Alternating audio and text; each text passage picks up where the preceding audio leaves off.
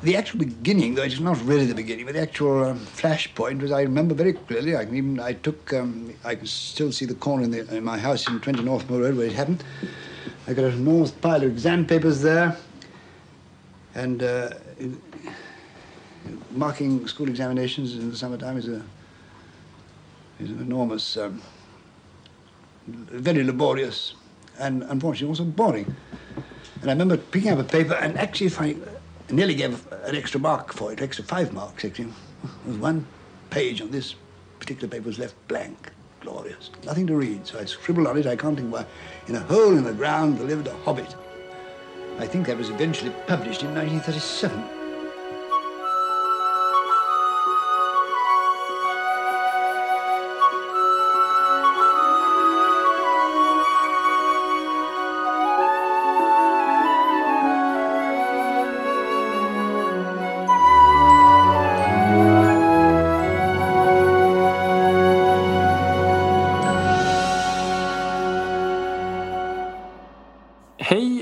Välkomna till det 47 avsnittet av Tolkienpodden.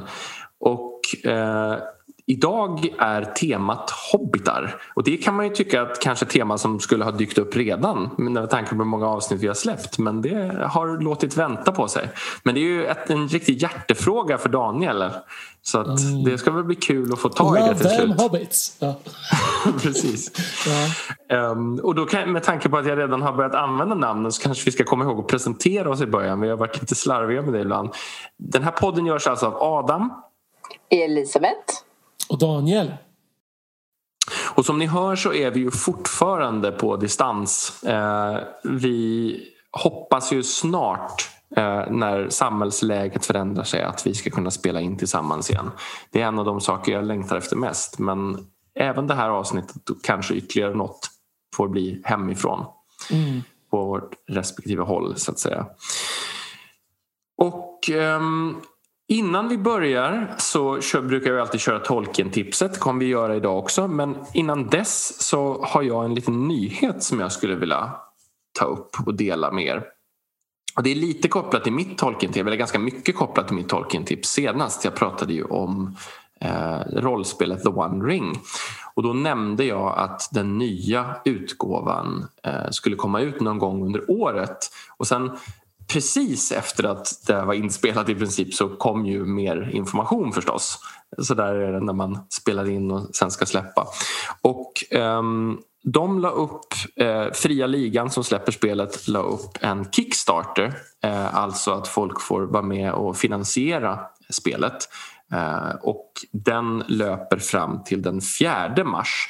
Så om man är intresserad av att backa det här spelet, alltså förhandsbeställare kan man säga, så eh, har man några få dagar på sig efter att det här avsnittet släpps. Eh, och eh, Det var väldigt populärt. De la upp ett sån här Kickstarter-mål. Alltså det brukar finnas en sån här att så här mycket pengar måste dras in på de här förhandsbeställningarna för att projektet ska eh, finansieras. Eh, och de la upp ett sånt mål på 100 000 kronor. Det gick spelet förbi på fyra minuter. Och nu, Oj, oj, eh, oj. och nu eh, med vad är det, nio, tio dagar kvar så är finansieringskampanjen ganska långt förbi 100 000 kronor. Den är just nu uppe i, när, jag, när vi spelar in, 10 809 761 kronor. Så det blir många perks här, eller? Liksom. Ja, precis. Och det är 10 560 personer som hittills har för, förhandsbackat det här spelet. Jäklar i Är det här låda. ett vanligt system? Det är, jag kan ju ingenting om Mm. Kickstarter har blivit jättestort med många såna här nördprojekt på senare år. Eh, både rollspel och datorspel och så. Jag väntar på två eh, grejer som jag har kickstartat. Så att säga. Jag väntar på en samlad Kalle Hobby-volym. Ehm, och jag väntar på Drakborgen, ny utgåva. Faktiskt. Ehm, Drakborgen kanske kan bli ett litet Tolkien-tips någon gång sen i framtiden. Ja, det tycker jag. Det får det bli. Men, men det här är ju också ett system som bygger på att mindre, vad ska man säga, eh, vad ska man säga, på engelska skulle man kalla det content creators, men alltså folk som gör projekt av olika mm, lite smalare sorter, de eh, vill veta att det finns en finansiell bas för att bli färdiga med det här och det här är ett sätt att liksom få intresse för olika projekt och att folk kan då förhandsbeställa. Och då vet de att de har pengar att finansiera. Och om jag minns rätt så kommer spelet ut, alltså faktiskt skickas ut till eh, de som har backat det i november. Um, det är då det blir helt färdigt tror jag. Och jag kommer att backa spelet med ungefär tusenlapp som var, jag tror den högsta nivån där man fick med det mesta så att säga. Man kan liksom betala olika summor beroende på vad man vill ha så att säga. Eh, så att det, men eh, det verkar som att de flesta som har backat har valt den eftersom det är ändå en förhållandevis liten summa jämfört. Jag har sett en del Kickstarters där de största bidragssummorna är helt vansinniga. Men det är faktiskt en väldigt fin, alltså fin och fin, men jo men jag tycker att det är något lite fint över det. Att, för jag tror att det ger ju också en Bortsett från att det ger liksom skaparen möjlighet att finansiera saker så är det ju att det ger en ska man säga det, de här smalare projekten får en liksom nischmarknad som inte hade funnits överhuvudtaget annars. Liksom. Mm. Um, för ingen hade satsat på det. Liksom. Nej, och det, det, här gör ju också att folk från väldigt äh, olika delar av världen tillsammans kan finansiera något och den mm. kommunikationen hade kanske inte ens kunnat gå få till utan det här systemet. Nej. Mm. Så det ska bli spännande, ser jag fram emot. Och vi, vi fick ju ett, något förslag från en lyssnare att jag skulle liksom eh, skriva ihop något introduktionsäventyr till rollspel och spela mer. Så att det, jag, jag har börjat fila på det där redan. Lite idéer på hur det här skulle kunna bli verklighet. Så vi får se i framtiden. Alltså, det tycker jag verkligen att vi ska göra. Mm. Ja men det skulle vara superkul. Mm. Som mm. ett avsnitt kanske då till och med. Ja men det var, det var så jag tänkte att man kan göra en två, två timmars avsnitt, två och en halv timme något sånt där. Alltså mini-äventyr så. Ja. Så det, ja, det kanske blir lagom till att den här nya utgåvan är ute för då skulle vi också kunna liksom inviga Precis. den lite grann. Den verkar väldigt bra faktiskt. Jag var ju lite, jag var, jag var lite sådär eh, innan jag såg en del av, av eh, konsten också att jag var lite tveksam men nu så har det kommit en massa väldigt, väldigt så här elitistiskt nördiga uttalanden när de sa att det har ingenting med filmerna att göra. Vi, allting ska, måste stå i böckerna och vi har gått i en puristisk riktning och så här. Det är allting som talar rakt in i hjärtat på mig. ja, jag förstår att du fick gåshud. Ja, precis. Ståpäls tror jag. Ståpäls fick du. Ja. Precis. Jag, jag, löste det här genom att gå ut ensam i covid och blåsa i horn på en kulle någonstans. Ja, och fira. Så, Exakt. Ja. ja. Mm. Nej, men, men det ser jag fram emot och vi, det, jag har stora förhoppningar på det. Mm. Får jag ta en liten mikronyhet som inte ens är en nyhet Absolut. bara nu? Mm. Eh, det var lite intressant för att Eh, på Twitter spreds ett rykte om att Ted Nasmith hade anlitats som konstnär till den här Amazon-serien. Och jag blev, min reaktion, alla var ja och jag var, min reaktion var nej. Uh, ursäkta alla Nasmith-fans här nu. Men sen uh, dementerade Ted Nasmith det här. Han hade inte alls blivit anlitad. Så det, om det var någon som hade gått på den här bluffen så kan ni nu antingen gråta eller dra en suck av lättnad. De dementerat är det i alla fall. Ja, det är det. Mm. Men jag tänker att snart borde det väl komma mer nyheter om det där också så att vi faktiskt skulle kunna rapportera någonting lite eh, mer Matigare. solitt tycker man. Ja, mm. precis. Mm. Mm, jag hoppas det. Men vi, vi får väl se. Mm. Ja. Ja, men då kanske vi har kommit fram till nästa punkt och då är det ju Tolkien-tipset. Daniel.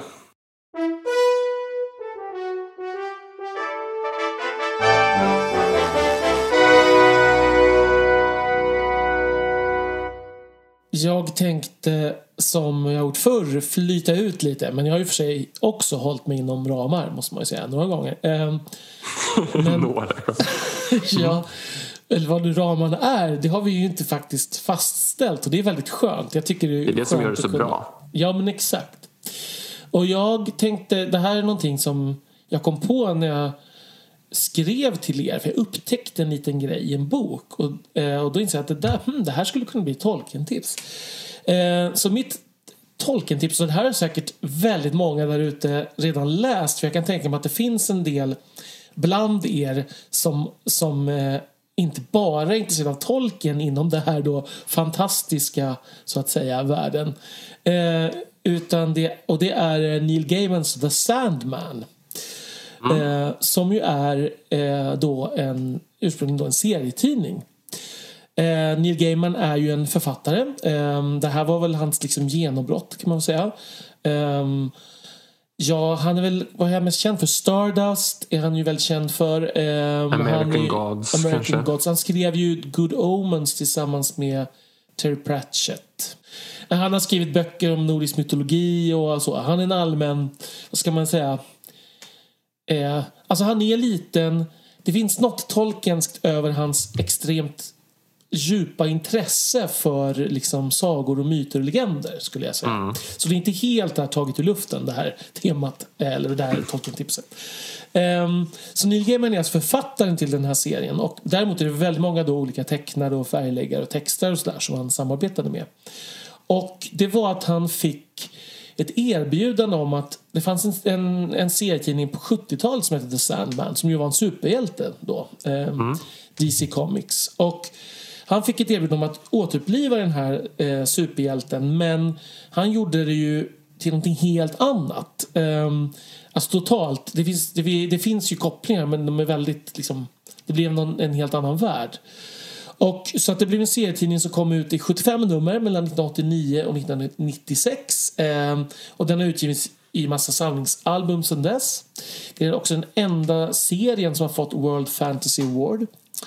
Ehm, så det är ju liksom en, ett långt världsbygge på något, på något sätt som han då hittade på under sju års tid. Liksom i, och, men då som ursprungligen då gavs ut liksom i bitar. Eh, lite så här, det blir ju väldigt följetongsartat, får man ju säga. Så att, och de här bitarna är då vissa sammanhängande historier eh, och sen ganska många som är så här en fristående berättelse bara, liksom, kan man säga. Och det handlar om... The Sandman är alltså eh, Morpheus som ju är drömmens gud då i grekisk mytologi. Men han är personifikationen av dröm i... Eh, han kallas för Dream helt enkelt i serien. Och han är då syskon i en till en syskonskara som heter The Endless som eh, i övrigt består, alla börjar på D också, består av Destiny, Death, Desire, Despair, Delirium och Destruction. Mm. Eh, och det är då så här, all, vad ska man säga, eviga tillstånd på något sätt kan man säga som de personifier, personifierar. Och han blandar liksom mytologi och saga och fantasy och skräck i en eh, salig blandning. Eh, serien börjar med att eh, Dream då han tillfångatas i någon slags okult ritual och hålls fången i 70 år. Och sen lyckas han fly och när han kommer tillbaka till sitt drömrike då är det liksom helt i spillror så han måste bygga upp det här igen.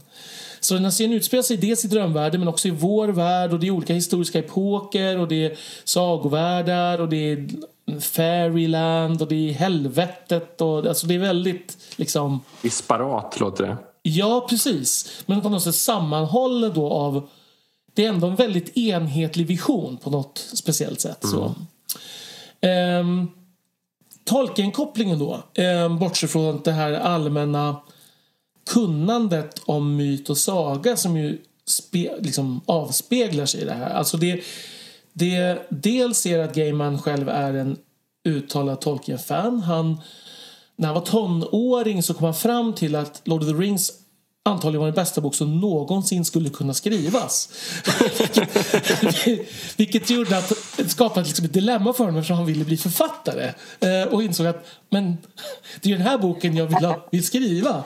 Det är eh, redan han, gjort. Det är redan gjort. Så han ville ta med den i ett parallellt universum och påstå själv att han hade skrivit eh, liksom, För det, det, man kunde inte uppnå något annat. Sen insåg han när han blev äldre liksom, att, att han kunde inte skriva den boken så han fick göra andra saker istället. Eh, sen har han en annan koppling. Det är att han, eh, han älskar History of Middle Earth. Eh, och han menar liksom att det är en så unik inblick i en författares huvud som Christopher liksom låter oss få. Han beskriver det som att det är som att få se en liten bit av den del av ett isberg som ligger under vattnet. Det får man ju sällan mm. göra annars. Och ja, fint då, uttryck tyckte jag. Ja, Ja, han, ja, han är bra på uttryck. Mm. Eh, så i, när the, uh, the Return of the Shadow som är en av de här delarna i History Middle Earth kom ut då, då är det så att Christopher Tolkien hade en liksom en frågeställning där som inte han själv kunde besvara. Men Neil Gaiman visste vad svaret var. Så han skrev ett brev till Christopher Tolkien. Och som tack fick han då ett brev tillbaka. Och sen blev han omnämnd i The War of the Ring faktiskt, som ett tack. Mm. Och så finns det en koppling till då som är i själva serien. Och då är det att eh, Eh, i ett av numren då så är det att i eh, Dreams eh, drömrike så finns ett bibliotek som innehåller alla böcker som alla författare drömde om att skriva men som aldrig skrevs. Och där finns bland annat The Lost Road av Tolkien på hyllan. Så.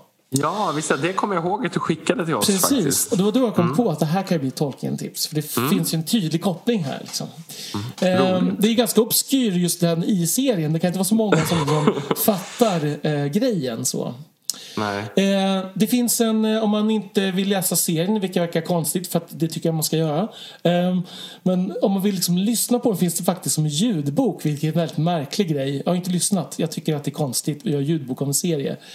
Eh, mm. Men det är med Neil Gaiman själv och så är James McAvoy och Andy Serkis är med bland annat och sådär. Och det är en tv-serie på gång också. Du har ju inte lyssnat då, men det, det är en ganska spännande tanke. Det är lite måste det ju vara som, som Radiosporten. Ja. Eh, ja, men på något ja, vis att man ja. förmedla bild. Mm. Ja, det, olika sporter funkar ju olika bra också kan man säga i radio. Det får man ju säga. Nej, men alltså, det, det är ju liksom som en radiopjäs mer där han, Gaiman själv är, för, är berättaren. Liksom. Och sen är det en massa skådisar som spelar roller. Um, så ja, jag ska lyssna på den någon gång har jag tänkt. Men jag tror att jag kommer lyssna och läsa samtidigt då faktiskt. Liksom, mm. Så man får hela upplevelsen. Så var det mitt tips. Mm. Ja, kul, spännande. Jag har väldigt dålig koll på serietidningar så det är kul att få mm, liksom en inblick där. För där känner jag att jag är helt obevandrad. Ja. Jag kan inte påstå att jag, jag läser ju en del och jag verkligen läser inte alls så mycket som jag skulle vilja. Så. Jag antar att det finns många där ute som tänker Sandman, gud vad mainstream han är. Eh, så att det, det finns ju väldigt, väldigt mycket annat såklart. Det, ja. Eller som de säger i, i Sveriges Radio, det finns även andra serietidningar. Eh, så. Ja.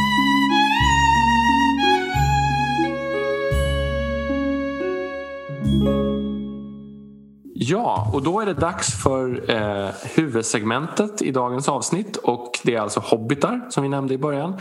Och Hobbitar är ju på många sätt väldigt viktiga för Tolkiens skrivande i och med att de två stora verken, nu räknar jag inte med Silmarillion eftersom den utgavs postumt och inte är lika liksom, känd för den stora läsarmassan tror jag. Eh, men de andra två som, som liksom stora framgångar de, är, de handlar ju i första hand om hobbitar och vi ser allting ur hobbitars ögon.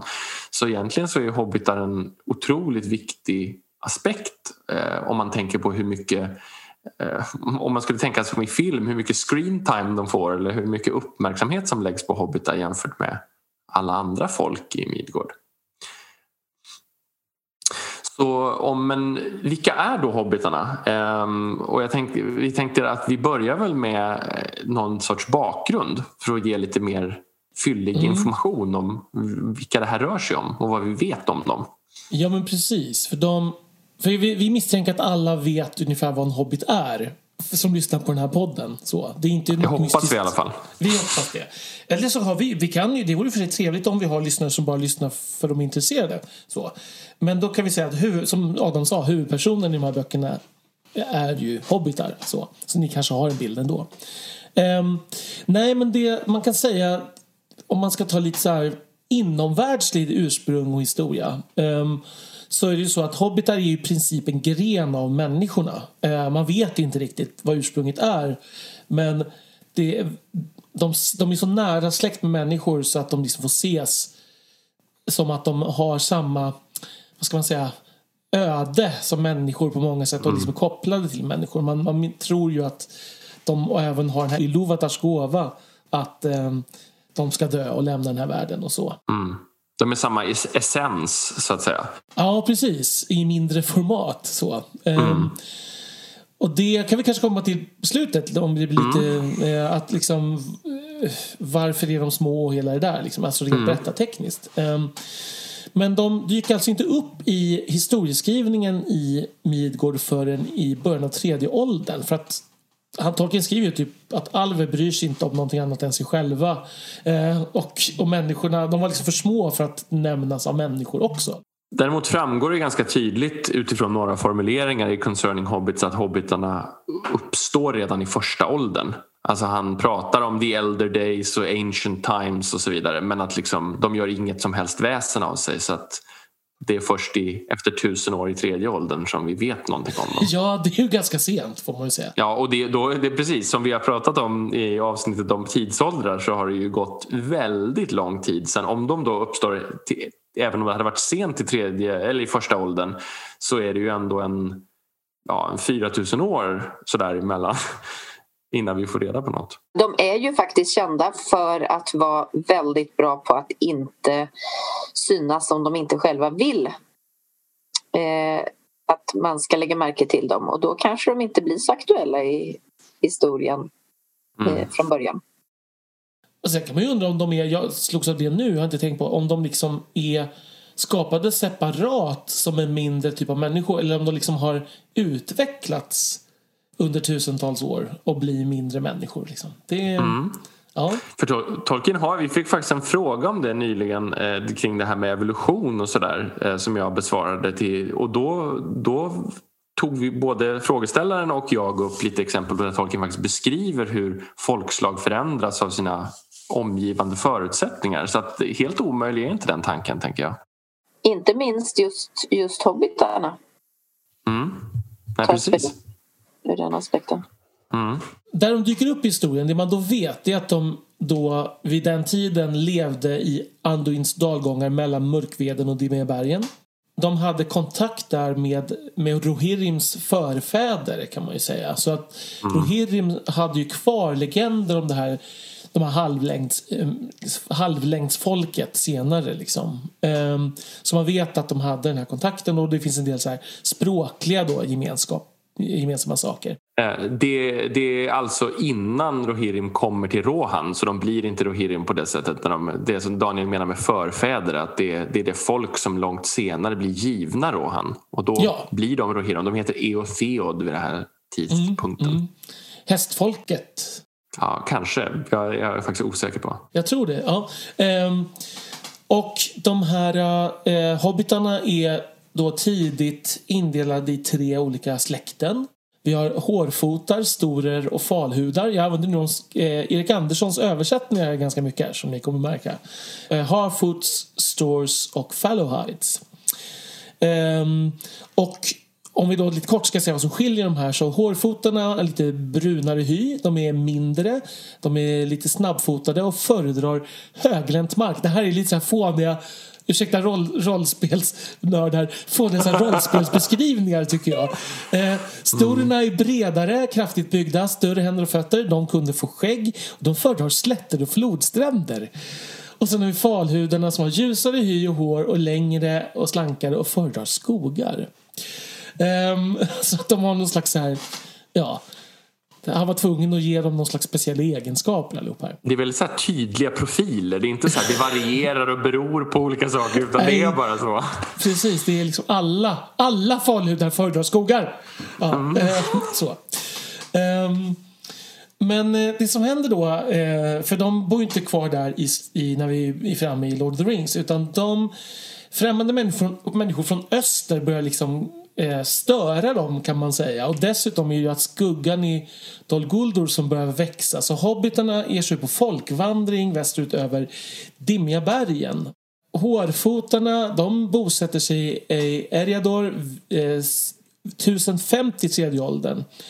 Ehm, och falhudarna hundra år senare. Ehm, medan storerna då bosätter sig i Dunan och i The Angle som är den här kilen mellan de två floderna Härkällan och Brusälven. Och här är den första liksom ledtråden till att Tolkiens hobbitar är engelsmän. För att det är ju det här förleden i anglosaxer liksom finns ju här i att storerna bosätter sig i The Angle.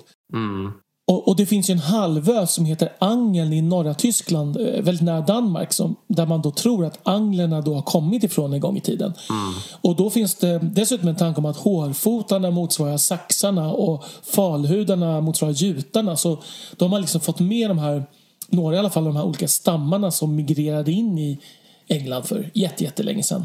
Mm. Så här kommer första språkliga fyndigheten som man har hittat på för att man ska förstå det här. Det kommer fler, kan jag säga. Mm. Mm. ehm, och sen är det så att när kungariket Angmar då grundas eh, år 1300 då flyr hobbitarna västerut mot Bri. Och storerna eh, då som flyr åt andra hållet kan man säga, de, de tar sig tillbaka till Anduins dalgångar, många av dem. Och det är de som sen blir Gollums folk senare. Det kanske bodde kvar några hobbitar, det vet vi inte riktigt. De kanske liksom sökte sig tillbaka till släkt. Men det verkar annars som att de, att de eh, liksom uppstod i Anduins dalgångar. Sen försvann de och sen kom de tillbaka dit. Också, mm. kan man säga. Eh, hobbitarna som då flydde västerut, de började svära sin trohet mot de här kungarna i Arnor. Och de påstår då själva hobbitarna att de skickade bågskyttar till slaget vid Fornost som ju då är 1409 i tredje åldern. Det är väldigt roligt att de själva påstår det men ingen annan minns det här. eller? Nej, precis. Det är gulligt på något sätt. Mm. Det, var, det kanske var, också var så att det var en så stor händelse för dem, de här bågskyttarna. Men, det var tio här... stycken som kom fram ja, för sent. Sådär. Precis. ja. Mm. Ehm, och sen lite senare då, under tredje åldern, 200 år senare ungefär, så är det då hårfotsbröderna Marco och Blanco som ehm, för eh, hobbitarna till andra sidan Baranduin, alltså brännvinsfloden. Och då hade då fått, fått mark av kung Argeleb. Eh, att de kunde få bosätta sig på de kungliga jaktmarkerna. Typ på Djurgården motsvarande då. Eh, och det var så där de sen grundade Fylke. Och här har vi ovits nummer två. Eh, Marco, det kommer från fornengelskans marka som betyder häst. Eller som har med häst att göra i alla fall. Blanco kommer också från fornengelskans blanka som betyder också häst. Och det här är då en syftning på de två bröder Hengest och Horsa, hingst och häst mm. som det betyder, som då ledde de här äh, anglosaxernas och jutarnas invasion av Britannien.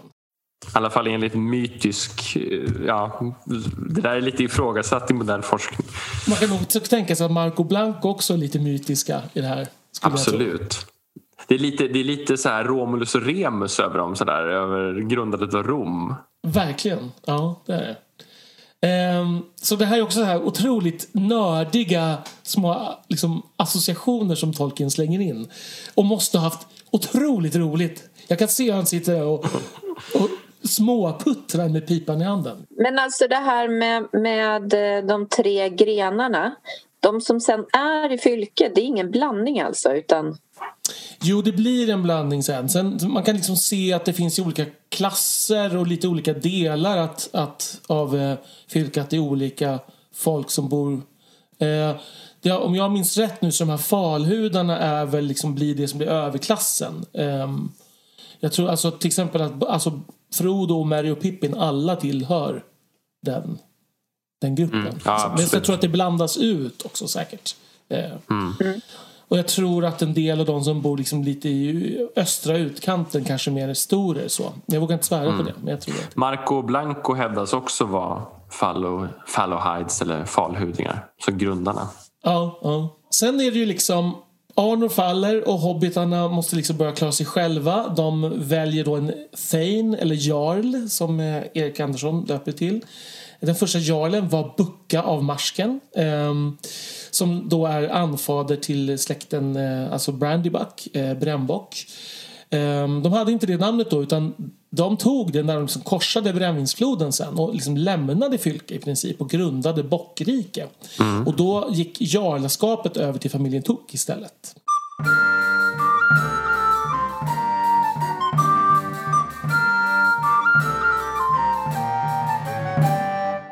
Lite så här kända fylkehändelser. Så här, eh, 2747 så invaderas fylke av vättar från grannberget som är anförda av Golfimbul. Och då är det ju Bandobras Tok, den här legend, legenden, mannen, myten, legenden. Som jag hade som Tolkien vet det, profil en gång faktiskt. Ja, precis. Det var den gången du hade en hobbit. Mm, precis. Det var det närmsta jag kunde komma en stor krigare bland hobbits. ja. Han kunde rida en riktig häst, visst var det så? Ja, mm. ja det är, då är man stor. Mm. Eh, han driver iväg eh, vättarna. Han eh, hugger huvudet, eller slår huvudet av kung Golfimbul. Och hans huvud hamnar då i ett kaninhål och så uppfinns också golf, enligt legenden. Och där börjar du gå över gränsen i vitsigheten ja, kan man ju känna. Ja. Mm. En stor händelse, viktig händelse var den långa vintern eh, som var 2758 till 59 då tusentals hobbitar gick åt i kylan. Eh, och det är då liksom Gandalf träder in i hobbitarnas historia. Han försökte hjälpa dem. Eh, för att det var då han liksom såg vilket mod och vilken medkänsla de har och vilken liksom inre styrka. Så att det är den här långa vintern kan man i princip säga är som är upphovet till hela, all, alla berättelser vi har. För att det är ju tack vare Gandalf sen då som Bilbo dras in i det här och sådär. Och hade inte Gandalf stött på de här hobbitarna då så hade det väl inte hänt kan man tänka. Jag vill skjuta in en händelse. 2670 så börjar Tobold Hornblower odla pipeweed. Det är stort i Hobbit-historien. Där någonstans. Det är jättestort! Vad är pipeweed Adam för någonting? Ja, det är ju tobak helt enkelt. Ja. Uh, och det har vi diskuterat lite förut. Men det är, ju, det är ju hobbitarna som hävdar att de är de liksom, upphovsmännen till att röka tobak i Midgård. Kan man säga. Och eftersom det är en så viktig del av deras kultur så tänkte jag att det kan vara kul att ha med. Men sen tänkte jag också på det där om man bara ska ge lite tidsperspektiv på det här att, att Fylke grundas 1601 då. Eh, så fylkeräkningen börjar då, eller Shire Reckoning.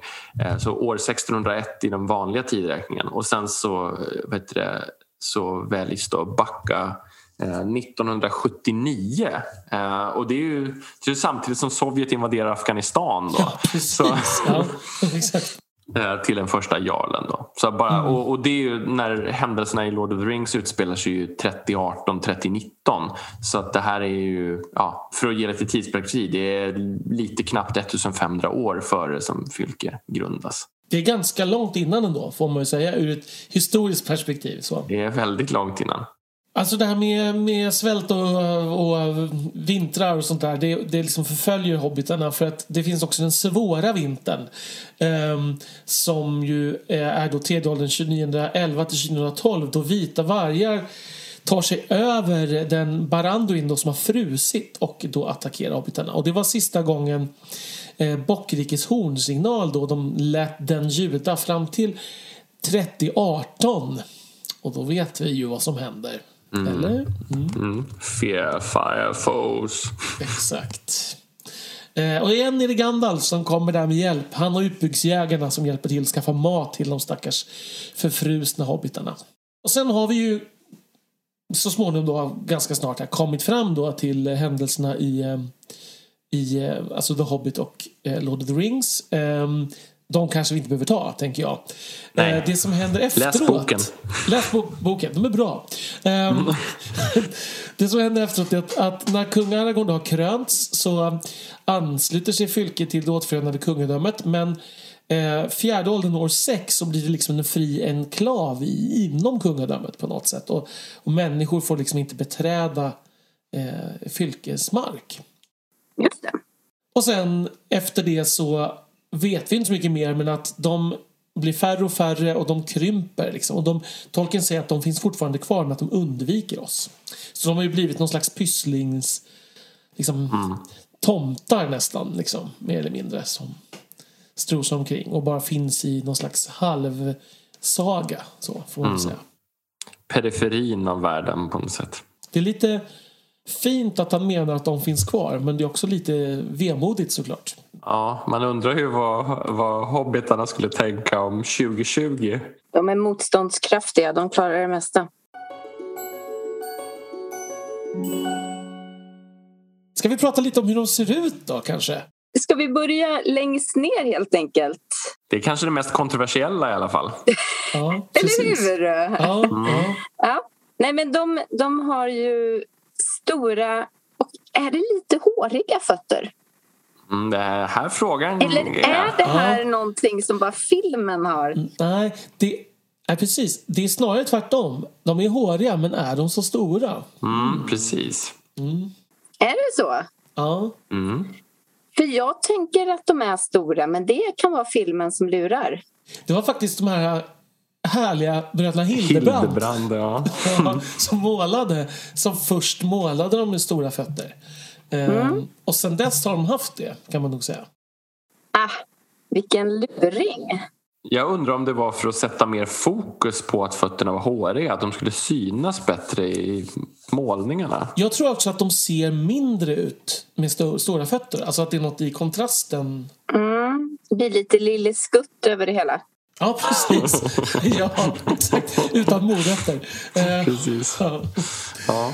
Eller i och för sig, de har, i filmerna har de ju även morötter. de släpar precis. omkring på. Ja.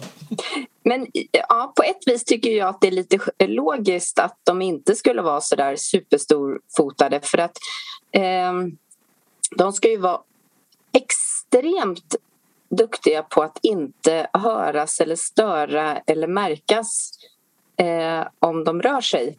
Mm. Eh, och då tänker jag att med de där klusidunsfötterna så måste Ja. det vara typ omöjligt. Ja, det... vi, kanske, vi kanske helt enkelt får... Alltså vi vet egentligen inte. Eh, det kanske var att Tolkien tänkte sig om enorma bautafötter men han skriver inte det i alla fall. Nej. Eh, så, Men håriga är de i alla fall. men det är de, precis. Mm. Och de, har, eh, och de är tåliga för att de går barfota. Exakt. Det är väldigt sällsynt att de har skor för de, förutom om de typ går i lera och sånt där. Då. Just det. Det är ju här det här med spetsiga öron kommer in. Att, att, alltså, hobbitar har lite spetsiga öron. Eh, det, det skriver Tolkien. Och det är då Tolkien skriver att de är vagt alvlika, typ. Eh, och det är därför kontroversen finns om alver har spetsiga öron eller inte. För man menar att all, han menar att eller man kan mena att alvlik är någon slags gängse bild av hur alver är. Men hobbitar har bevisligen lite spetsiga öron. Eh, enligt Tolkien. Hmm. Mm. De är också väldigt, väldigt förtjusta i mat och dryck. Och de, Tolkien beskriver ju att de blir lätt lite runda om magen. Sådär. Det kanske liksom med särpräglade draget hos hobbitar är ju kanske att de är små, tänker jag. Ehm, och de är ju alltså kortare än dvärgarna. De är mellan, Tolkien säger mellan två och fyra fot. Men när han, han ger liksom någon slags medianlängd när han beskriver till någon illustratör att de är ungefär tre fot och sex tum. Eh, när, när de ska liksom, illustratören ska liksom placera dem, jämf- alltså han jämför med föremål. Liksom. Då säger Tolkien utgå från tre fot och sex tum. Och det är ungefär 107 centimeter i så fall. Och det är ju ganska kort, får man säga. Ändå. Ja, det är väl återigen kortare än i filmerna, tror jag. Och det är samma sak även med Gimli till exempel. Han har gjorts mycket längre och större i, alltså, i många scener i filmerna. Alltså jämfört med hur dvärgarna beskrivs i... Ja, och hobbitarna är ännu kortare än dvärgarna. Men för det, det är ju väldigt kort, kan man säga. Men, eh, men om man undrar om det där med två fot, alltså som är ungefär 60 centimeter, om det är barn eller hur liksom... För det låter ju otroligt mycket kortare om genomsnittet är nästan dubbelt så långt. Han skriver någon annanstans att de oftast tror jag var mellan tre och fyra fot. Mm. Eh, två fot kanske är... Jag undrar om det inte kan vara när de börjat krympa liksom under åren. Alltså. Mm. Ehm, de längsta hobbitarna, den längsta hobbiten innan liksom vår berättelse tar sin början är ju då Bando Brastok som redan nämnt. Han var 134 centimeter lång. En bjässe. Ja, verkligen. En resa och utan like. Och sen har vi de Mary Pippin som blir jättelånga när de dricker äntvatten. Men jag tycker att det är liksom lite doping där. Ja, Eller, det är eller liksom lite tillväxthormon. Alltså man kan Precis. det, de är ju liksom, blir ju längre av en anledning. Det kan, kan inte vara ett sätt att slå världsrekord, tycker jag. Liksom. Nej. Jag tänker att de här som var korta, de kanske tillhör den där kortare sorten då. Mm, så kan det ju vara. Det, kan ju vara, det är ju väldigt stor skillnad eh, över jordklotet bland människor också kan man säga. Men, alltså om man tittar på genomsnittslängd i olika länder. Så att man kan ju tänka att det är lite så. De blir ju medelåldern är mellan 90 och 100 år. Um, den äldsta hobbiten innan vår berättelse tar sin början är eh, Tok den gamle. Um, mm. Han blir 130 men Bilbo bräcker ju honom när han fyller 131 i liksom, Lord of the Rings. Mm. Uh, de blir myndiga vid 33. Uh, vilket ju är gulligt på något mm. sätt när, när det här avsnittet kommer ut så har jag ju ungefär två veckor kvar till Hobbitmyndighet. Så att... ja, då ska vi fira ordentligt på distans. Ja, precis. Ja. Jag är fortfarande barnrumpa ja. lite tag till. Ja. Ja, men det undrar mig också, liksom, är det en väldigt lång barndom eller en väldigt lång pubertet? Eller är det, tänk, tänk, tänk att ha pubertet i så 20 år eller någonting. Ja, det är fruktansvärt. Verkligen. Ja. Eller är det bara liksom allting är längre utdraget? Så? Det är, mm. Fast det är mindre extremt idag än vad det var när den skrevs. Mm. Ja. Du tänker på att det som min mamma brukar kalla för det psykosociala moratoriet har dragits ut i det moderna samhället. Att man det vill säga, inte måste bli vuxen förrän ganska sent på riktigt. Men, men om man tänker på Pippin, han är ju 33 när han eh, pratar med Bergil i Minas Tirith. Man tänker på, på liksom hur han är som person och sådär. Han framstår ju som ganska ung. Alltså han, man, man, får ju nästan bilden av någon i äldre tonåren, alltså bara rent personlighetsmässigt kan man tänka. Bara om vi försöker jämföra. Så jag undrar om det är tänkt att det ska motsvara ungefär 18 till 20. Men de måste ju samtidigt samla på sig lite mer livserfarenhet, tänker jag. Alltså... De kanske inte gör någonting, de bara äter. ja, exakt.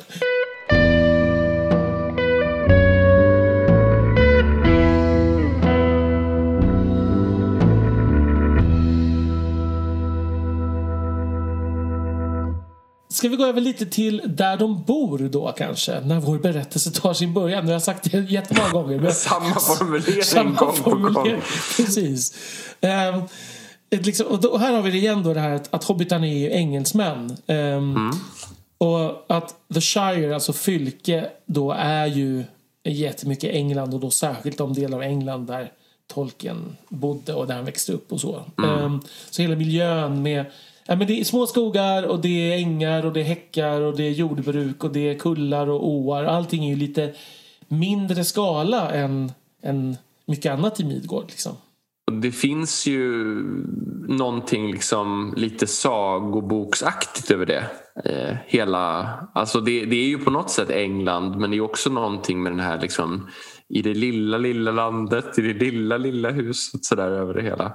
Och i, i det lilla, lilla huset Nej, är det ju inte nödvändigtvis. Ja, vissa bodde ju i hus. Mm. Mm. mm. Precis. Men, men de, de, de finaste, de bor i, i ett hål i marken. Mm. Alltså, där verkar det ju vara så att de att hålen i marken var de finaste och de fattigaste då. Att det är typ någon slags medelklass mm. som bor i byggda hus. Eller vad man ska kalla eller någon kanske rikare jordbruksklass. Jag vet inte vad man ska kalla dem riktigt.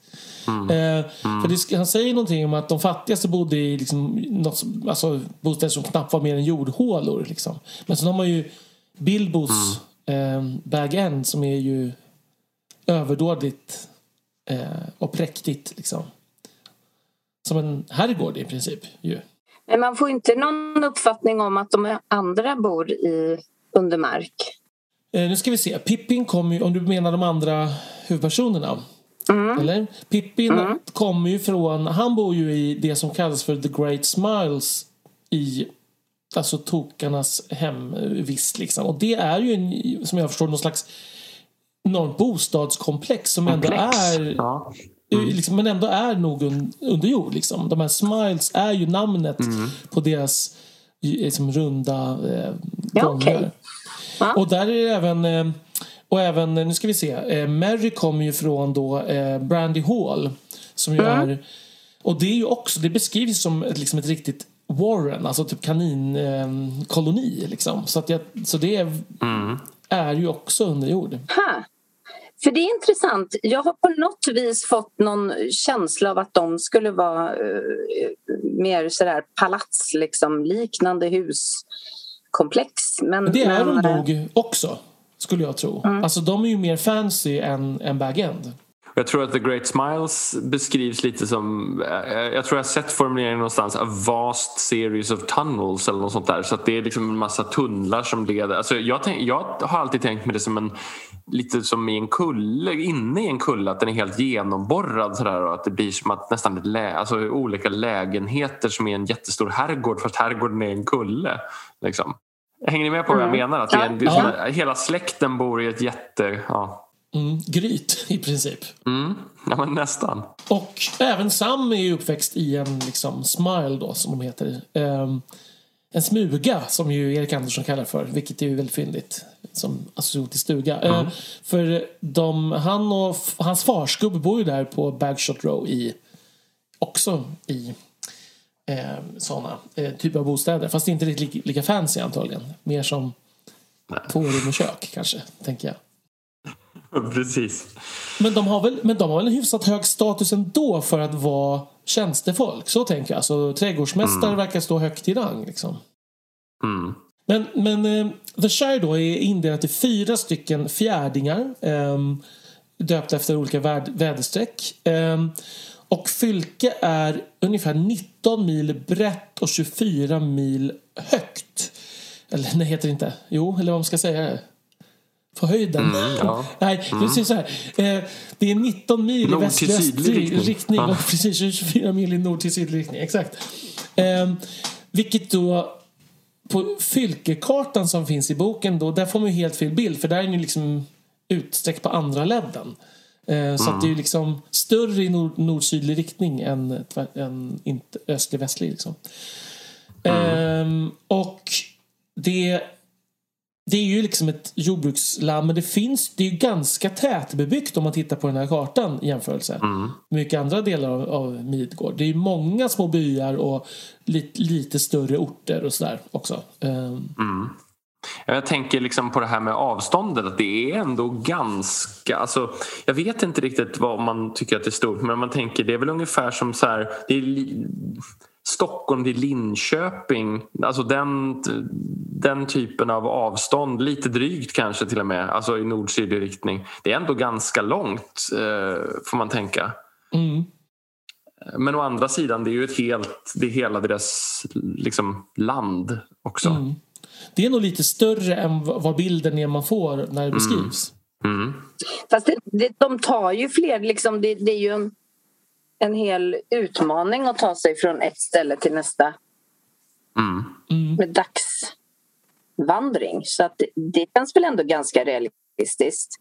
Jo men det stämmer ju. Eller? Och det, jo men ja, absolut. Och det är ju så att he, den där kartbilden som är är ju verkligen inte hela Fylke heller. Eh, och det blir ju större. Alltså Aragorn ger dem ju Västmark också som ligger längre västerut. Så det blir ju ännu större efter eh, hans kröning. Eh, sen är det ju så, där Bockrike då som vi redan nämnt där, där ju familjen Brandybuck bor. Det är ju tekniskt sett inte en del av Fylke även om det i praktiken på de flesta sätt är det. Men det är som en egen liten minikoloni kan man säga. Och sen bor ju även Hobbit där borta i Bri, i, i Bririke då. Bor de ju blandat med människor.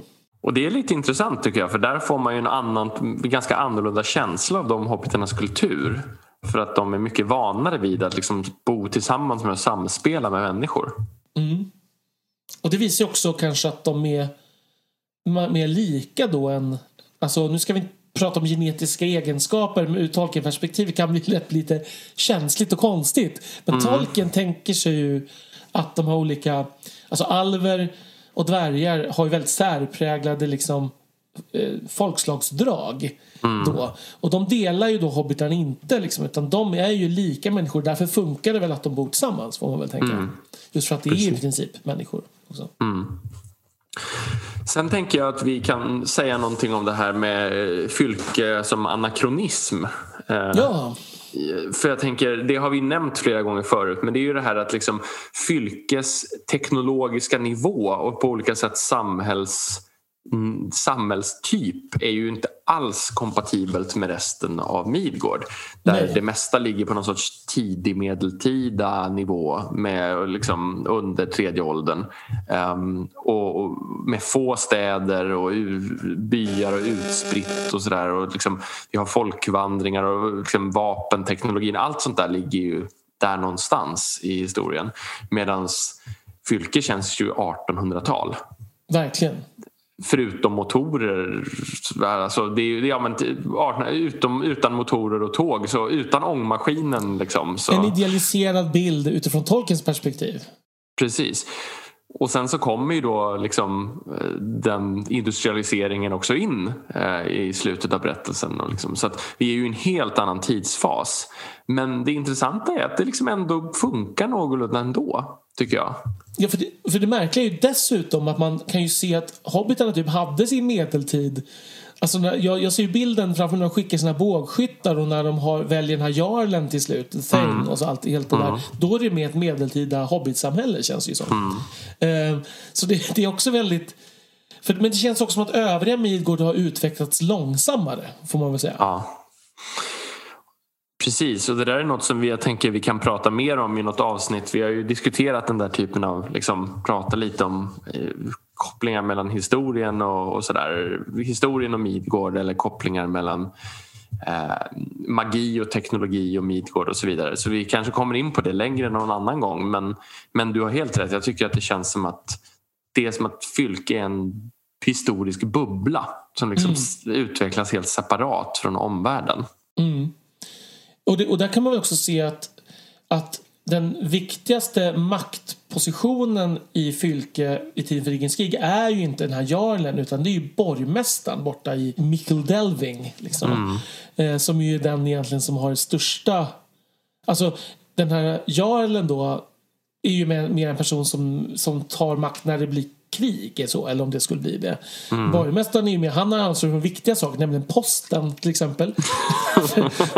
Hobbiten skriver brev flera gånger om dagen. Och sen har han ju de här fjärdingsmännen då, the sheriffs, som ju är någon slags polisväsende. Fast jag ser framför mig verkligen någon sån här länsman typ som... typ, det är ju verkligen ingen... Det är inte så mycket brottslighet att ta tur med känns det som. Liksom. Nej.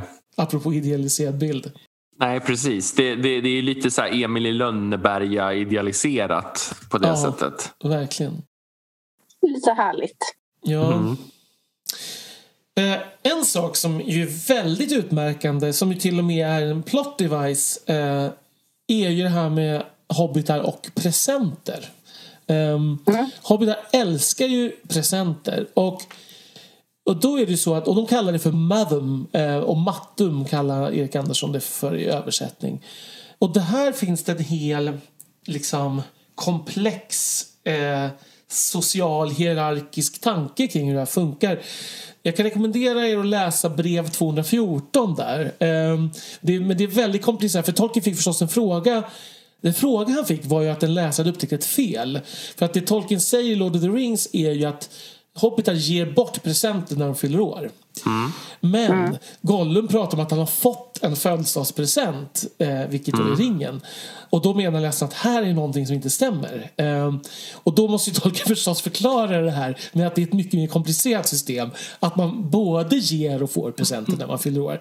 Eh, så att, eh, och, då, och då finns ett jätte han svarar jättelångt på det här med föräldrar ger inte barn presenter. Och, men däremot ger barnen sina, sina föräldrar någonting när de fyller tre år. Då ska de ge någonting hemgjort som de har gjort i slöjden. Och det, det är liksom, om man, och det är med vissa, ska man säga, radie som man förväntas ge present eller få presenter när någon fyller år. Och så där. Så det, Stackars läsaren som ställde den frågan Ja. kan man nästan känna. Ja, det är ju, det är ju fantastiskt eh, hur han liksom går loss. På, alltså det är ju det som är så fantastiskt med Tolkien. Han går liksom loss inte bara på de här språknörderifrågorna och de mytologiska. Utan han börjar liksom förklara att födelsedagspresentsystemet och sånt där också. det, det är så underbart. Eh, Det är underbart. ja. Ehm, några till så här kulturella drag. De, de är, är ju monogama eh, och de ärver liksom eh, på fädernas sida så. Men man såg det samtidigt som att man och kvinnan i en familj hade likvärdig status. Eh, fast olika roller. Det låter ju extremt gammalmodigt men ändå då progressivt i Midgård antagligen. Eh, och det var också så om mannen dog så gick inte automatiskt då familjens styre över till hans son utan eh, till hans fru först. Jag måste få ta den här fantastisk eh, anekdot som man förstås hittar på om Lalia den stora som var eh, gift med Fortinbras den andra som var familjen Toks överhuvud. Och hon blir då överlever honom så hon blir familjen Toks överhuvud. Men hennes son Fermbras den tredje han blir då jarl för jarlaskapet går ändå vidare liksom på, på, i det manliga. Så. Men hon kunde inte komma på Bilbos kalas för att hon var så otroligt stor eh, och orörlig. Eh, och det sägs då att hon, eller hon dog när hennes liksom, typ, skötare råkade välta henne över en tröskel. Så hon trillade ner för trappan till trädgården och dog. Eh, och det sägs att den här skötaren det var Pearl Took som är Pippins syster.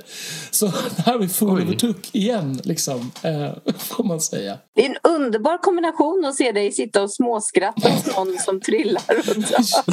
Men jag tycker att den är så malplacerad. Jag tänker bara på Gilbert Grape, typ. Eh, Ja. Ja. Den gamla filmen. Men visst känns det här lite som Tolkiens lite konstiga humor som han kommer med Ja. ibland? Att han liksom kunde säga sådär att han ibland blev sådär, han försökte vara rolig och ingen förstod riktigt grejen och sådär. Nej, nej, lilla Tolkien. Ja. ja. Alltså, grejen är ju att det finns ju... Om man är superintresserad av hobbitar så ska man ju läsa den här liksom, prologen eh, som alla hoppar över. Ehm, för där står alla. ju... Inte alla, nej. Jag, jag tycker att den är fantastisk. Eh, Ja, det fast hör man på din röst här. kanske inte första gången, ska jag erkänna. Nej. Ehm, men sen är det ju också så att det finns massor i appendix och där kan man ju liksom nörda loss i hobbitarnas liksom tideräkning och speciella kalender och 12 månaders system med specialdagar inklämda för att det ska gå jämnt ut och, och sådär. Och, och även där hittar man på så här små vitsar som inte, som inte behövs. Alltså det, det, ja. Det är så roligt för det är en så liten grupp som uppskattar de här sakerna också. Ja, ja, men, och, det, och det här liksom att det finns ingen månad i fylke som börjar på en fredag. Och så att ett stående uttryck var liksom fredag den första. Då menar man det kommer aldrig hända. Liksom. Mm, som när grisar flyger sådär. Exakt. Det här, och att han liksom, han bara, han, han igen går så här loss på att hitta på kulturella sär, liksom, arter sånt utifrån vad de gör. Nej, jag vet inte. Det är något, det är något helt vansinnigt såklart över det. Det, det är så roligt för det här är så väsensskilt från den här, vad ska man säga, den del av Tolkien-nörderiet som hu, är min huvudfåra liksom, fåra kan man säga. Det där som är liksom det mytologisk-historiska med sådär krönikor över stora riken som stiger och faller. Och så här. Det här är något fullständigt annorlunda men som är precis lika nördigt. Ja, för det är också väldigt långt från det andra som jag uppskattar, det här liksom poetiska, sagomässiga och, och kanske även det här lite mörka och, och hemska. Liksom. För det här, det här är liksom ju bara en fond som, som, jag vet inte, men det är som du säger, det är precis lika nördigt. Fast på ett annat sätt. Men det är så här småputtrigt, småborgerligt humoristiskt på något sätt. Eller? Grönköpings veckoblad. Typ. Ja, ja precis. Precis Ja. så. Men, men ännu mer utarbetat. Eh, Ja, precis. Man säga. Det, Grönköpings veckoblad Extreme. Ja, Alla bara, räckte inte med originalet. Ja. ja. Det man backar den på Kickstarter på högsta nivån så får man Extreme. Så. Eh, och grejen är att, det, men jag, jag ska också tro att det här är bland de ämnen som det finns mest att säga om just för att han gick loss så fullständigt i så små detaljer. Alltså hur mycket han... Alltså jag satt ju och försökte översätta Lord of the Rings en gång i forntiden. Ehm, och det som jag ibland tyckte var roligast var ju alla dessa hobbitnamn. Antingen på platser eller på personer eller på månader och veckodagar och allt det här. För att, just för att det är så raffinerat gjort. Alltså det är ju... det är så äkta. Liksom. Alltså det Mm. är skapat namn som känns helt rimliga och trovärdiga och sjukt svårt att översätta liksom, för att det är så obskyrt och arkaiskt och, Mm. och stämmer samtidigt så rätt. Liksom. Att man samtidigt ska försöka liksom hit, hålla kvar ett skämt som 12 personer förstår eh, sådär, medan man får det att låta autentiskt.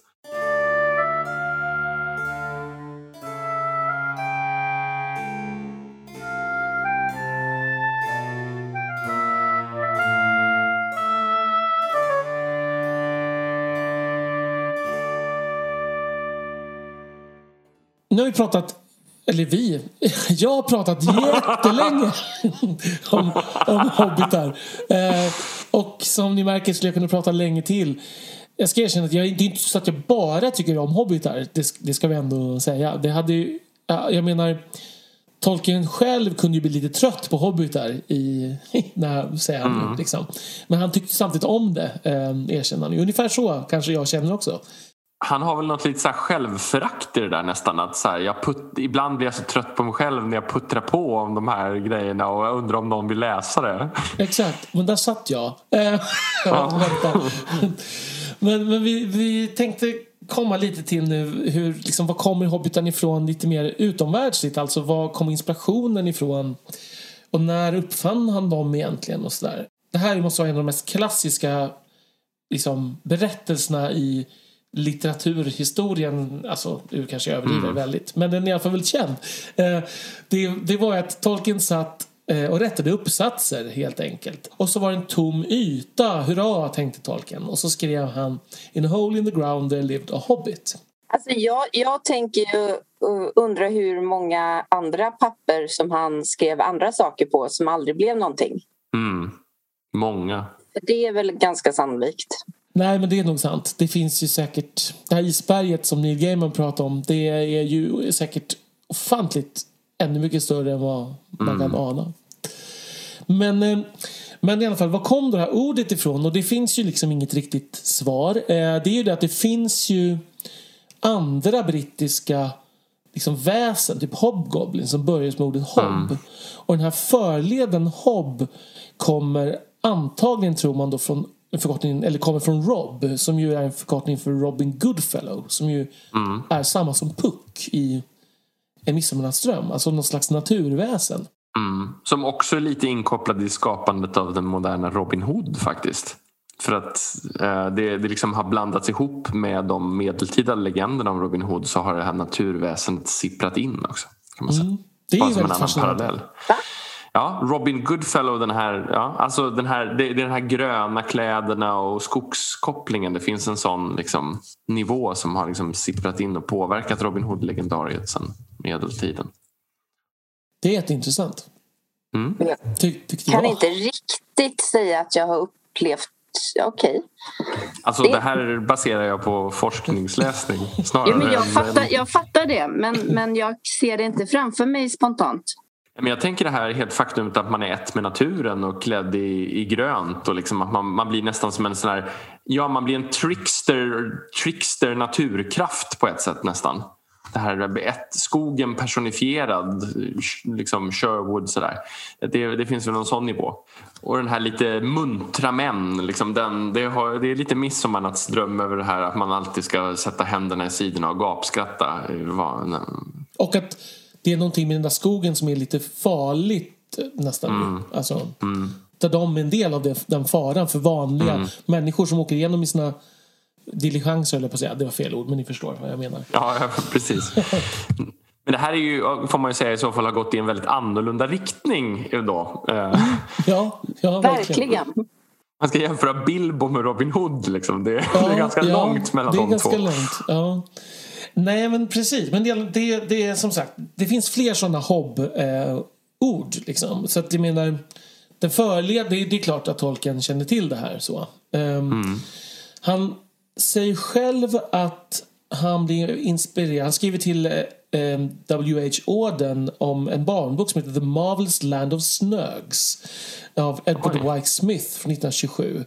Ehm, Alltså, som en omedveten inspiration där Snögs är någon slags inspiration då till hobbitarna, tror Tolkien. Och sen skrev han också en roman som heter Babbit eh, från 1922. Den nämnde Tolkien själv. Sinclair Lewis som har skrivit. Och Babbit är, jag har inte läst den här, men enligt då eh, Tolkien är Babbit väldigt hemmakär. Så. Där låter det som att orden är väldigt lika. Att det finns en tydlig mm, ljudmässig inspiration åtminstone. Exakt. Och sen är det ju, och sen är det, eh, Tolkien själv förnekade alltid att liksom, Rabbit skulle ha något med saken att göra. Men Tom Shippey tror att det ändå kan ha funnits någonting. För att Tolkien, eller Bilbo beskrivs ju som en rabbit liksom eh, ett par gånger i, Bill, i boken The Hobbit. Um, mm. Och de bor ju liksom i någon slags kaningångar. Um, mm. Sen kan man ju... Ja, det, ibland vet man ju inte med Tolkien när han förnekar någonting. Om man förnekar liksom, för att han blir trött på jämförelsen kanske snarare. Man vet inte. Mm.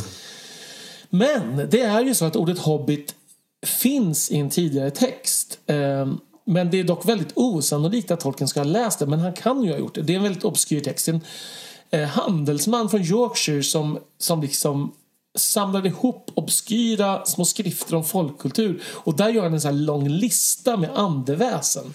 Och där dyker ordet hobbit upp. Men det är också enda tidigare gången vad man kan titta. Intressant. Ja. Det är ju faktiskt spännande. Ja. Så Tolkien kan ju ha läst den och så råkade det fastna och sådär då. Vem vet? Mm. Mm.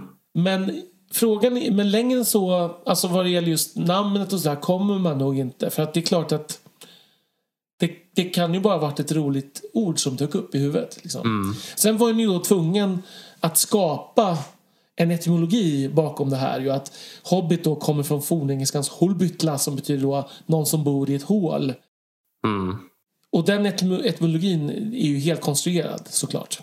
Ja. Men jag tänker på det här med Alltså Hobgoblins är väl det, alltså jag tänker Det är ju en typ av eh, brittiska väsen som liksom det finns många liknande sådana här brownies är ju en annan sån som, så här finns, som existerar som, som alla som är lite tomtelika. För mm. om, man, om man tänker på ett lite bredare plan så kan man ju definitivt koppla det här till det här liksom hustomten och den liknande sådana här väsen. Liksom. Just det här med att de man ser dem inte för de undviker oss men de är vänligt inställda och alltså, de påminner om oss. Det finns ju något sånt där det lilla folket som finns bakom kulisserna som, som är ganska vanligt i olika mm. folkmyter. Man kan tänka att liksom, det är ju någon sorts blandning mellan den och någon sorts idealiserat 1800-tal. Alltså de två sakerna har liksom vuxit samman ganska mycket i vad hobbitarna blev, tänker jag. Det är helt sant. Bra sammanfattat. Vi kunde räckt med den meningen. ja, precis. Jag klipper ner och så har vi bara kvar den meningen. precis. Precis. Nej. Men, men vi pratade ju lite i början där, eller vi pratade inte om, men vi nämnde ju liksom att du tog upp Adam att, att hobbitarna är ju med hela tiden i de här böckerna och, och, och det då är en en viktig skillnad mot Silmarillion och, och var väl liksom kanske då en främsta anledningen till att Silmarillion inte vad ska man säga, blev en lika stor hit. Alltså det fanns inte den här um, kopplingen. Det är, det är förstås en väldigt förenklad beskrivning. Men, men det fanns men inget det, ankare för läsaren på något sätt. Nej, och, det, och framförallt det som hobbitarna symboliserar finns det liksom ingen motsvarighet till i Silmarillion. Um, Allt är det högstämda nivån sådär. För, ja hobbitarna... Mm, jag tänker ju också att det blir ett sätt att introducera den högstämda nivån utifrån. Alltså det är ju en sån här som man ofta säger om hobbitarna. Att vi, vi som läsare måste ju möta alla de här koncepten för första gången och då blir det väldigt användbart berättartekniskt att använda sig av karaktärer. Alltså ni vet som i, i alla, all möjlig fantasy och äventyrslitteratur så det är bra att använda ett barn eller någon som kommer från något annat land eller någonting bara så att det finns en rimlig förklaring till att man måste visa upp och förklara och introducera massa saker. Ja men precis, jag tänker att det där jag brukar ta upp i säven ju som tolken läste. Och det är ju precis samma grej. Liksom mullvad, det, han, det krävs att han, vi, vi ser den här världen genom mullvadens ögon. Han lär känna råttan och råttan introducerar honom för allt det andra. Liksom, mm. Som han aldrig upplevt. Um, och det är lite här, och Narnia liksom, självklart är ju precis samma grej. Liksom att det finns någon att vi finns i berättelsen. Så. Och det finns ju inte, alltså det finns ju inte det är inte så att det inte bara finns, inte finns hobbitar i Silmarillion. Det finns ju inte ens den här grejen. Man är bara Nej. tvingas beskåda allting utifrån. Mm. Helikopterperspektiv nästan hela tiden ju. Och det är ju ett djärvt grepp såklart. Får man ju säga. Mm. Eh, Men jag tänker att det kanske är också det att det inte riktigt var skrivet som en roman. Alltså Nej, från nej, början. såklart till skillnad från de här som är mycket mer riktade till läsare. Där Tolkien verkligen har använt sig av sådana här grepp. Troligen för att, alltså på någon nivå för att han förstår att det är ett bra sätt att leda in i all den här väldigt komplexa världsbyggnaden han hållit på med. Precis, men det är någonting... Nu ska, nu ska vi, det låter som jag sågar Silmarillion nu och det är inte det som är meningen. För det vill jag verkligen inte göra. Men jag tänker på andra mytologier och så. För att jag har läst Stephen Frys de här återberättningarna av de, återberättandet av de grekiska myterna. Och det han skriver är ju att de grekiska gudarna är ju så mänskliga. Eh, Alltså de har så mycket fel och brister och beter sig som människor. Det var det som gjorde att de liksom berättelserna gick hem hos folk. Men Tolkien har ju inte ens det i sin Marillion. Um, alltså det är väldigt lite av... Alltså gudarna beter sig, har ju verkligen inte... Alltså de som har fel och brister har ju fel och brister. Liksom, typ Morgoth. Eh, men det är inte riktigt på den nivån. Liksom. Nej. Nej, men jag tänker att det den, för mig, jag har ju sagt det här ganska många gånger i olika avsnitt, men det känns ju mer som en medeltida krönika. Alltså någonting i stil med så här Gesta Danorum. Nej, men alltså den typen av, där man liksom berättar ett folks historia eh, på lite högstämt språk och hittar på lite. Alltså, det, det är mer den typen av ton. Och det kan man tänka att det är någonting som Tolkien ibland jobbade med på jobbet helt enkelt. Att det var en, en form som han liksom var van vid. För att de här mytologierna du nämner är ju liksom levande muntliga berättartraditioner många gånger. Medan jag tycker att det här påminner mer om en liksom lärd munk som har skrivit ner det man vet om historien. Eh, Ja, precis. Och kanske sedan, liksom. en lite filtrerad genom en, genom en munks liksom, perspektiv på världen. Det var en ganska bra Ja. liknelse. Alltså, man har ju filtrerat bort en hel del av, av det där då. Som, Mm, det världsliga. ja, ja, precis. Fast jag tycker ju ändå att det finns en hel del mänskliga drag i form av typ hybris och eh, lite sådana saker även i Silmarillion. Det skulle jag inte... Nej, det, är- nej, precis. Det är väl det är ju inte helt tomt på det såklart. Då vore det ju helt meningslöst. Eh, Men den är ju berättad från, liksom, det är så mycket större avstånd ändå. Det är lite mer så här som isländsk saga på det sättet att man liksom får ju inte gå in i personernas huvuden generellt utan det återberättas vad de gör eller framförallt vad, liksom, på en väldigt översiktlig nivå. Jo, men de gör ju många fel. De gör ju Absolut. många saker som är baserat på något som de tror om sig själva som inte stämmer. Mm. Det kan ju dock hända i sådana där återgivningar också. Jag tänker mer att det handlar om att vi inte får så mycket inblick i någon sorts känsloliv. För även i Lord of the Rings, även i de bitar alltså, där det inte finns så mycket inre introspection eller vad man ska säga, skådande in i personerna så får vi ju, vi pratade om det i förra avsnittet om vänskap, får ju ändå ganska mycket relationsbyggande och det är ju väldigt avlägset i Silmarillion. Men nu tror jag att vi är på väg ganska långt bort från hobbitarna. mm, ja, och det kanske... Det kan det Vi kan hoppa tillbaka. Att hobbitarnas roll var just det där... Ehm, ja, men helt enkelt att, att vara mellanlänken till läsaren, Mm. kan man väl säga. Ja, för han sprider ju ut, när, när liksom berättelsen börjar spreta åt olika håll, då sprider han ju också ut hobbitarna i olika delar av berättelsen. Det är ju, det är ju egentligen bara, ja det finns ju delar, så, alltså typ eh, Aragorn, Legolas och Gimli när de sätter efter Jagar orkerna, liksom. mm. Ja, precis. Då får vi ju inte, då är det inga hobbitar där. Så att, det är klart att det finns undantag. Och det är väl det också att berättelsen, det är väl det som gör den, jag brukar tjata om det här, men det är väl det som gör att den är någon slags modern berättelse ändå i någon bemärkelse i en mm, mytologisk värld. För, att, för hobbitarna, de hobbitar vi får följa är ju inte 1800-talspersoner heller. Faktiskt. Nej. Även om riket är det, alltså fylke och så. Så är ju Frodo är ju inte en 1800-tals eh, huvudperson. Lite Tycker beroende jag. på vad han menar med det förstås. Ja, jo det är klart. Men han känns ju som en då, om vi nu, nu går vi utåt igen här, men han känns som en efter, alltså efter första världskriget huvudpersonen då. Liksom. Ja. Jo, men det kan jag Tycker väl jag. köpa.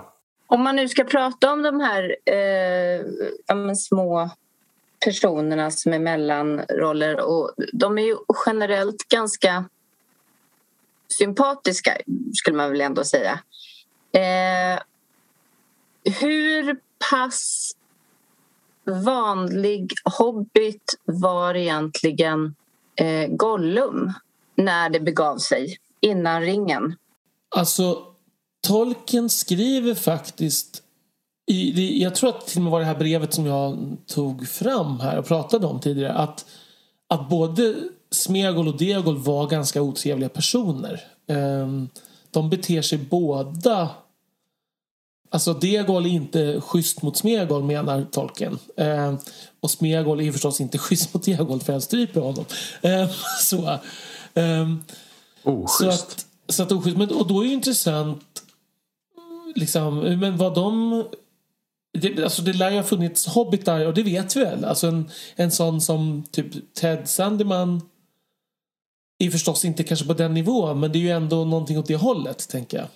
Mm, nej, men jag tänker att de är väl liksom lika sympatiska och osympatiska som människor generellt. Även Mm. om samhället i stort är lite idealiserat och lugnt så kan jag tänka att Tolkien absolut inte menar att alla hobbitar är underbara personer. Liksom. Men alltså, en sak som jag tycker är rätt intressant apropå det med, med Smegol och Degol och sådär att man får ju om man inte reflekterar över så får man nästan känslan av att det här är någon, alltså att han får ringen i någon sorts urtid sådär. Eh, alltså nästan i en proto-hobbitsk nivå och så är det ju inte alls. För att jag menar, även om han har levt väldigt länge, han får ju ringen 2463 om jag minns rätt.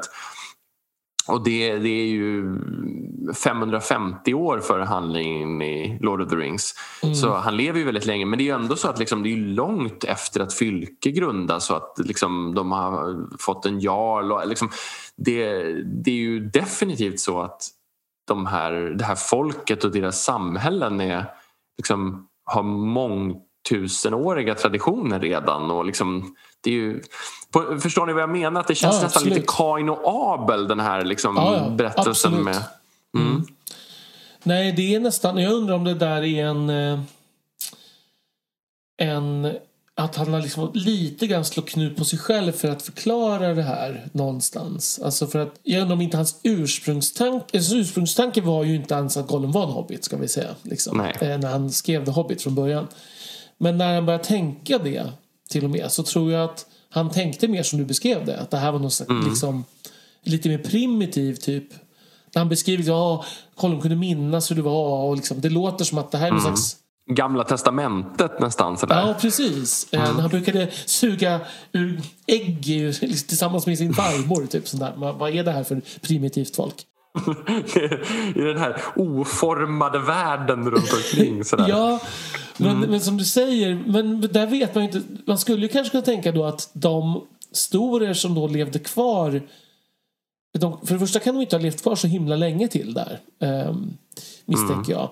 Men de kanske var eh, liksom en spillra av något folk. Alltså det kanske var ett... Levde i mycket enklare förhållanden och... Alltså...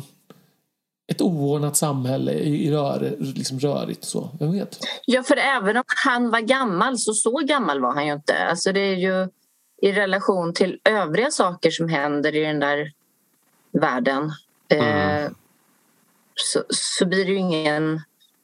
Det blir ju ingen reell... Liksom, det går inte att få ihop riktigt med att det här är efter att eh, Isildur har blivit av med ringen och den har försvunnit ur tid och han ska ha hem, hittat den senare. Alltså, Mm, det är ju långt, långt, långt efter det. Alltså, Ja, jo men precis, det är det jag menar. Eh, och då, då så himla ur, uråldrigt kan ja, jag vet inte, jag får inte ihop det riktigt. Nej. Men det är väl det där att känslan och, och kronologin inte riktigt kopplar. Liksom så. Men, det, men det, är ju, det är lite intressant att apropå det du sa Daniel med det där med eh, alltså att, eh, att de inte kan ha funnits kvar särskilt länge. För det är också så att eh, de, för, de, läm, alltså de första hobbitarna som lämnar det här området mycket tidigare alltså. De gör ju det för att liksom, skuggan växer sig stark eh, i närområdet. Och det är också så att 2460, alltså tre år innan Gollum får tag i ringen så, så återvänder ju Sauron liksom i full kraft till Dol Guldur. Dol Guldur blir ett viktigt fäste för honom igen.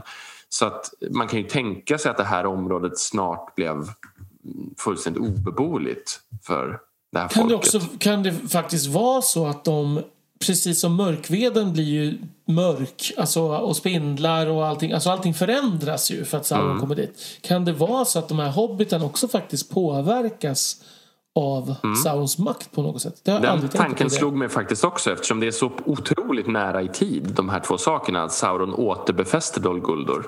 Mm. Och det här är ingenting som Tolkien har skrivit vad jag vet. Tror Nej. Jag.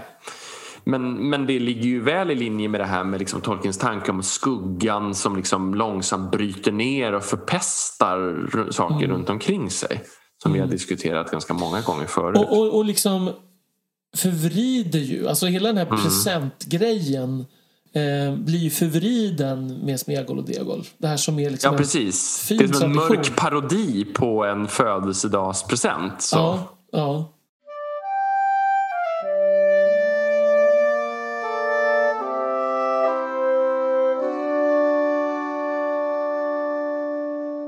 Jag tänker att om man ska försöka komma till någon sorts slutsats kring hobbitarna så tror jag ändå att nyckeln ligger någonstans i det här som vi pratade om, den utomvärldsliga rollen. Att det, det är någon, någon, ett sätt som tolken delvis medvetet och delvis omedvetet har liksom planterat in i det här högstämda materialet som liksom utgjorde hans yrkesbana och hans intresseområden för att tillgängliggöra det. Jag tror att dels så blir det någon sorts liksom, att han smälter det samman med någon sorts humor och någon sorts referensramar han har från sitt verkliga liv. Men, men, också, eh, men dels också så att han eh, han är en, som vi har sagt några gånger förut, han är en mer modern och kanske medveten författare än vad han ibland får får cred för. Alltså att han beskrivs väldigt ofta som sagoberättare bara. Och så där. Men det här, många aspekter av hobbitarna och hur de används för att berätta historien är som du sa tidigare Daniel, ganska moderna och ganska liksom, jag tror ganska medvetna litterära grepp. Mm. Så jag tror att man får söka deras liksom, syfte och roll och utveckling i det två, från två håll. Alltså ett berättartekniskt och ett där Tolkien liksom blir fascinerad och själv börjar bygga ut det här. Och det blir en, en väldigt annorlunda typ av inslag som jag tror han tycker är roligt och unikt för att det liksom det Ja, för han måste, tyckt, ja. han måste ha tyckt det här var lika intressant som att beskriva liksom Torin Torambar och allt vad det är. Liksom. Mm. Alltså det känns ju som att han, han gick lika mycket loss i det här. Mm. Så alltså måste det ha varit lika viktigt för honom på något sätt. Mm. Och det är en intressant kombo för en person tycker jag ändå. Ja, det är det verkligen. Han är ju också en mer intressant person tror jag, än han också mm. får cred för. Mm. Mer mångfacetterad. Ja, det är inte riktigt, jag tycker inte att det här är riktigt um, utforskat faktiskt. Nej. Um, litteraturhistoriskt. Nej, precis. Och det, det finns... Eh, vi fick ett tips nyligen som jag tänker att vi kan eh, utforska någon gång senare. Men där om eh, Tolkiens moderna inspirationskällor. Att det mm. kommer en bok om det som kanske skulle vara värd att läsa Eh, och göra, bygga något kommande avsnitt på. För jag tänker att vi har ju pratat en del och vi kanske kommer att prata ännu mer om det här liksom mytologiska bakgrunden och det fornnordiska klangbotten och allt sånt där. Men de moderna inspirationskällorna får ganska lite uppmärksamhet generellt av Tolkien-fans och vi har inte alls lagt lika mycket krut på det. Så det, det vore kul någon gång att utforska det, förutom kanske första världskriget där vi har, som vi har nämnt ganska mycket. Men, men jag tror att det finns mycket mer att hämta där för framtiden. Verkligen. Och det här tror jag är liksom kanske ingången lite till det. Vi har just öppnat en liten dörr. Det är, inte ny, alltså den är inte unik. Men vi, i alla fall, vi har öppnat den, lite på glänt. en precis. rund grönmålad dörr med gul knopp mitten. Ja, där fick du till det bra tycker jag. Ja, ja. Vi kanske har fått en hemlig runa ristad på den av en trollkarls stav nu. Nu Ska blir den här vi analogin oss- så lång och krånglig så att Ja, ingen ska kommer vi våga förstå oss den ut genom den här dörren ut i den vida världen? Ja. I den här vägen som bara slingrar sig evigt fram. Mm. Det är nu Daniel visar sin Bilbo-aktiga sida. liksom. Precis. Ja. Just det. Är inte bara the road that goes ever on and on. Exakt. Ja, Även det här avsnittet. Precis. Det är kanske där vi, vi faktiskt eh, tänker oss att vi går in i en cul-de-sac, en bag-end och, st- och stoppar, tänker jag. Den här. Herregud. Och, och bryter där. Nu återvändsgränden har vi gått in i här, Precis. tänker jag. Mm, mm. Ja. Ja, det är bra. Ja.